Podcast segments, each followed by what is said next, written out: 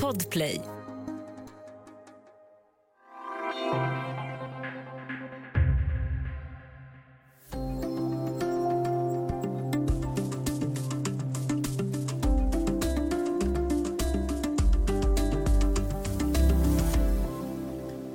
Det är bara någon dryg månad sedan en nio ton tung rymdsten tog sig genom atmosfären och dunsade ner utanför Enköping. Då var det bara 14 kilo kvar, för resten hade brunnit upp. Rymden är magisk, men också helt totalt livsfarlig. Och nu ska Sverige bli en rymdnation. Du lyssnar på Studio DN och jag heter Augustin Erba.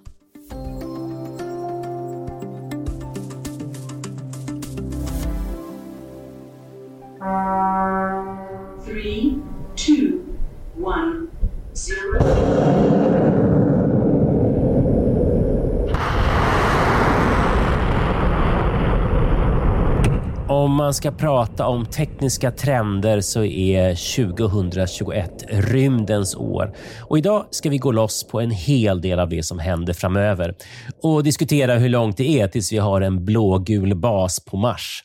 Och med mig för att prata om detta har jag en av mina favoritgäster, DNs vetenskapsredaktör, som här i ett tidigare Studio DN berättade hur hon började gråta när hon fick se den första bilden på ett svart hål. Välkommen Maria Gunther. Tack så mycket. Ska vi börja med det allra mest spektakulära, den amerikanska bilen på Mars. Vad kan vi säga om den, Maria?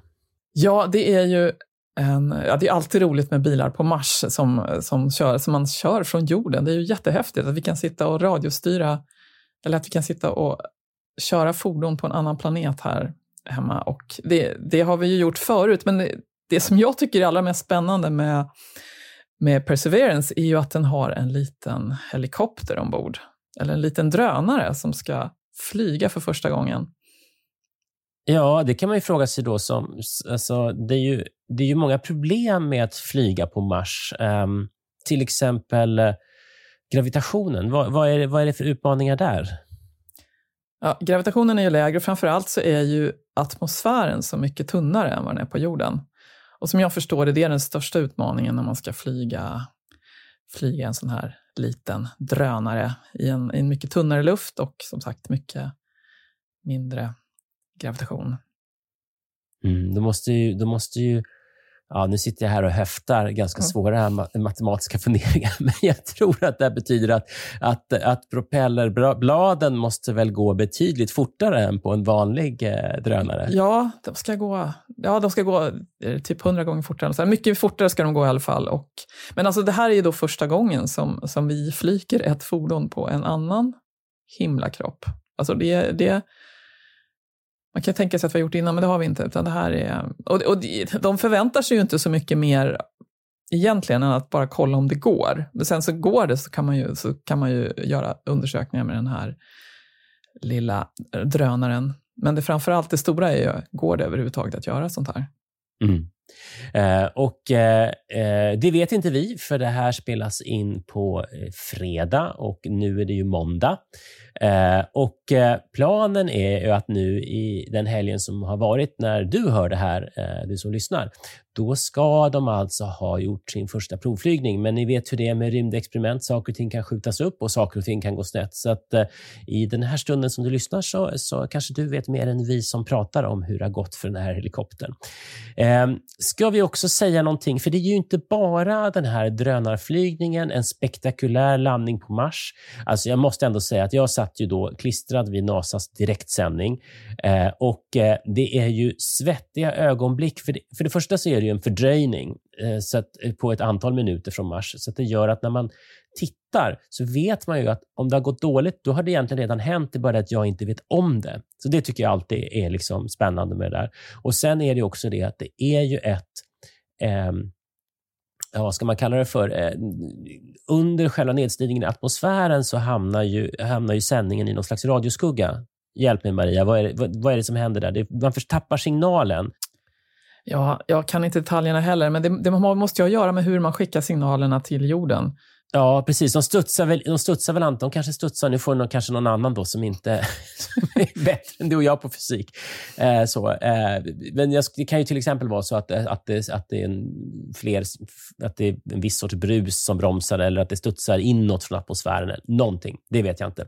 Oavsett i alla fall så är det så att då är det några minuter då liksom man inte vet hur det har gått. Och Det här är ju liksom en ganska känslig del av av nedstigningen. För precis som jag sa i början av programmet, så den där 14 ton tunga stenen då som skulle ta sig genom atmosfären och sen bara var 14 kilo, då är det ju så här 8 8,99 ton som har, som har liksom brunnit upp. Eh, och Det kan ju också hända även en dyr marslandare. Det kommer ner liksom en transistor. Då.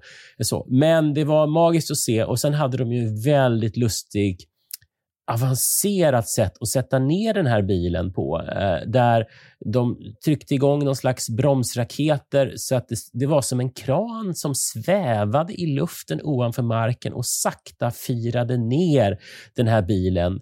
Ehm, alltså det var så mycket som var spännande. Jag känner att jag bara... Jag har ju en gäst också. Jag pratar alldeles för mycket här, men det var, jag måste bara säga en sak till som jag tyckte var helt episk. Och Det var ju att Vanligtvis när man ska landa saker och ting på, på främmande planeter, då, då, då, då kikar man i förväg med våra olika teleskop och så har man skickat olika kanske spaningar eller vad det nu är för någonting för att se var, var det är bra att landa. Men här hade man alltså lämnat beslutet om exakt nedslagsplats till en AI. Eh, så att eh, man, vi, vi, man visste bara ungefär åt vilket håll man skulle skicka eh, den här landningen. Men man lät en artificiell intelligens, lite grann som en självkörande bil, titta efter och se var är det plattast. Liksom. Och så satte den ner där och så funkade det. Så att, eh, ja, jag, jag kände att det var ett stort ögonblick. Nåja, ska vi gå vidare? För det är inte bara eh, helikoptrar eller drönare och bilar som ska köras på Mars, utan det ska händas hända en massa andra saker. Och den som är aktiv på Twitter ser ju också att, att Elon Musk, ni vet han Tesla-killen, han spränger raketer på löpande band. Eh, vad, vad är det han håller på med, Maria?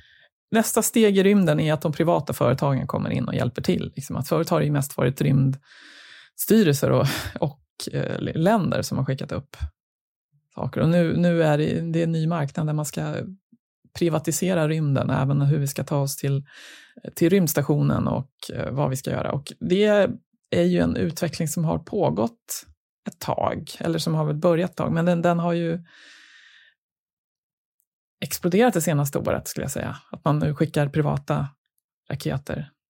Alltså astronauter tar med privata raketer till, till rymdstationen, att det är det vi vill se och också skicka upp ja, privata satelliter har skickats upp länge, men... men eh, det, är ju det, som, det är det som är fascinerande. Och, och det intressanta mm. då är att, att, tycker jag, med Elon Musks raket är att han har ju tänkt att han ska återvinna sina raketer. Um, om jag har förstått det rätt. Så att de ska inte bara åka upp i rymden, utan de ska också landa säkert. Um, och så har han inte valt uh, att, att göra dem på sätt på rymdfärjan, på rymdfärjans vis, det vill säga, ja, ni som minns rymdfärjan, den landade som ett stort flygplan. Utan det här är en raket som ska landa ja, alltså, som en reverserad start helt enkelt. Den ska liksom landa med liksom stjärten neråt och stå upp så. Och eh, ja, Vi kan väl säga då att eh, är det de fyra senaste gångerna eller om det är de tre, jag minns inte längre, så har det ju gått, så har, det ju, så har den ju exploderat varenda gång så här långt. Eh, men eh, det här är till Elon Musks teori. Han provar och provar och provar och så hoppas han att förr eller senare så kommer att lära sig så. Ehm, men det är inte bara privatiseringen av rymden. Eh, det är också ehm, och, och amerikanerna, utan det är också kineserna, Saudiarabien och ryssarna som håller på med detta i full fart. Ska vi ta dem i ordning här? Ehm, vad är det kineserna gör? Kineserna gör ju massa saker. De har ju också en, eh, en rymdsond som har skickats upp till Mars, som går i bana runt Mars nu, som ska skicka ner ett eget fordon här om någon månad eller två, tror jag. Och då, det är ju första gången som Kina lyckas, eh, det är första gången Kina gör någonting ensamt till Mars. De, har ju varit, de hade ett projekt tillsammans med Ryssland tidigare tror jag som misslyckades. Så det här är Kinas första lyckade, första egna Mars-expedition. Sen ska de också göra en, skicka upp en egen rymdstation i år. Ehm, de heter ju nästan, de heter, alltså Tianwen heter deras sond runt Mars och rymdstationen, den heter ju nästan likadant, heter den inte det? Den heter också något på T. Nu ska jag se. Himmelsvar på himlens fråga, tror jag. Något sånt där. Ja, något sånt där. Och, men det, det är ju, de satsar mycket på rymden. för att och, och sen är ju, sen är ju också kul att Förenade Arabemiraten har skickat en rymdsond till Mars också, tycker jag. Mm. Och så har vi ryssarna. Men vad håller de på med? För de är inte på Mars just nu, utan de håller på med något annat. Ja, alltså, det, är många, det är mycket som pågår i rymden, men en sak som, som, eh, som ska hända i höst är ju att en rysk regissör, eh, Kim Klim Shipenko, om jag uttalar rätt, han ska åka upp till eh, rymdstationen med en skådespelerska som inte är vald än, för att spela in film en vecka på, i rymden. Vilket är första gången någon gör vad jag spelfilm där. Det tror jag är första gången, det måste det vara. Jag har ju sett mycket rymdfilmer, men det kan ju vara så att de är inspelade på jorden. Vad vet jag? Ja, jag tror det faktiskt. ja, ja eh, och eh, precis, så att vi har... Ehm, eh, ja, men kineserna, som du nämnde här, var det inte de som alldeles nyligen var landade på månens baksida också? Jo, det gjorde de. Och sen har ju de också projekt de ska ta hem eh, någonting från en material från en asteroid, tror jag. Också. Ja, just det. Precis. Mm. Ja, det är, alltså, som sagt, det är en mördande konkurrens just nu om att ta sig ut i rymden. Och in i detta ska Sverige ge sig in. Vi är ett litet land, men vi är en engagerad och stark rymdnation. Man kanske inte tänker på det, men mycket av det som är vårt vardagliga liv är faktiskt beroende av rymden. Och dit ska vi strax komma eh, efter pausen. Vi hörs strax.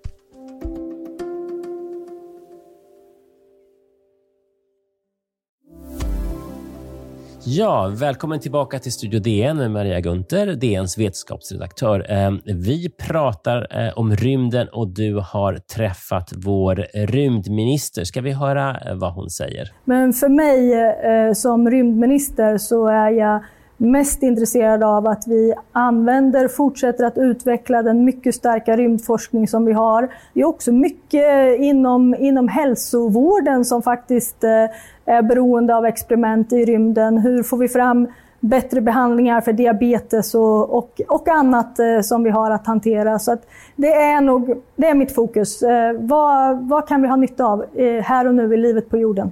Mm. Eh, och du träffade henne, eh, Maria. Vad, hur var det? Jag träffade henne digitalt. Eh, vi skulle ha träffats på riktigt, men sen slog eh, smittan till så att vi fick träffas digitalt. Men eh, hon är ju väldigt intresserad av rymdverksamhet. Och det är lite kul, för hennes intresse väcktes ju innan hon blev rymdminister. Det var när hon jobbade i jordbruksutskottet och bara insåg hur viktigt det här med övervakning för eh, alltså hur, hur beroende är vi av satellitdata för allt vi vet om, eller mycket vi vet om klimat, om, om miljö kommer ju faktiskt i kunskap vi har tack vare att vi har så bra satellitövervakning. Och det är mycket, många tänker inte på det, hur beroende vi är av rymdforskning, att det är inte bara att det det är något som faktiskt påverkar våra liv hela tiden. Mm. Och Du var inne på det lite tidigare här nu, men, men eh, om vi tittar historiskt sett på vad, hur har Sveriges roll i rymden varit?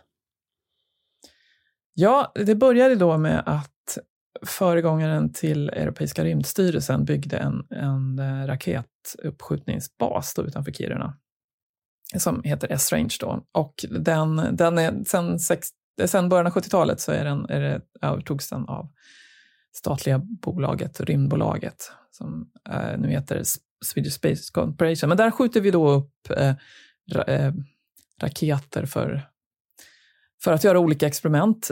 Dels för att undersöka fenomen som eh, eh, norrsken och andra saker i rymden, men också för att göra experiment i tyng tyngdlöshet. För de här är ju raketer som man skjuter upp och sen kommer de ner igen och eh, så, och så är de ungefär, bortåt en kvart så, kan man, så är det i, i tyngdlöshet där uppe när man kan göra olika då, experiment. Alltså det är ingen ombord, men alltså man kan skicka upp experiment som man, som man eh, kan se vad som händer med material och annat när det är i tyngdlöshet. Och de här raketerna återanvänder man ju också då. Och, men det som, är, det som är speciellt med att anledningen till att det ligger i, utanför Kiruna är att det är ett enormt stort område där, där det inte finns några stör, något störande ljus från några samhällen. Dessutom finns det ett jättestort område där de här raketerna kan komma ner igen. Ja, om de skulle, om de skulle göra en Elon Musk, höll jag på att säga, så, ja, precis, så är det ingen som får den i huvudet. Nej, precis. Och så att det, det finns ett stort nedslagsområde för de här. Och så är det ju, ja, sen är det ju nära norr om polcirkeln, så då om man vill undersöka norrsken och sånt så är det ju också bra läge. Ja, och, och, och, och nu pratar ju, vad heter det, eh, eh, rymdministern eh, om eh, det här med alltså vad, vad det är för saker vi ska göra framöver. Kan du säga någonting om, om vad Sverige kommer att göra framöver nu när, när, när det är så uttalat nu att, att vi ska satsa lite mer på rymden? Ja, en sak som hon har lovat då, är det att vi ska, att vi ska kunna börja skjuta upp satelliter från S-range, för det kan man inte göra nu. Nu gör de raketexperiment och ballonginstrument och så gör de andra observationer från marken, men alltså att vi ska kunna även skjuta upp egna satelliter därifrån. Det tror jag är en ganska liten grupp länder som, som har Mm. den, den kapaciteten. Så, så att det, det är ju lite spännande så. Ehm, men eh, vi kan väl enas om att det i alla fall är ett bra tag tills vi, tills vi får se någon, någon slags blågul bas på Mars i alla fall. Ja, det kommer ju dröja. Eh, Förenade Arabemiraten då, de har ju mål att de ska ha en egen bas där vi om 100 år ungefär.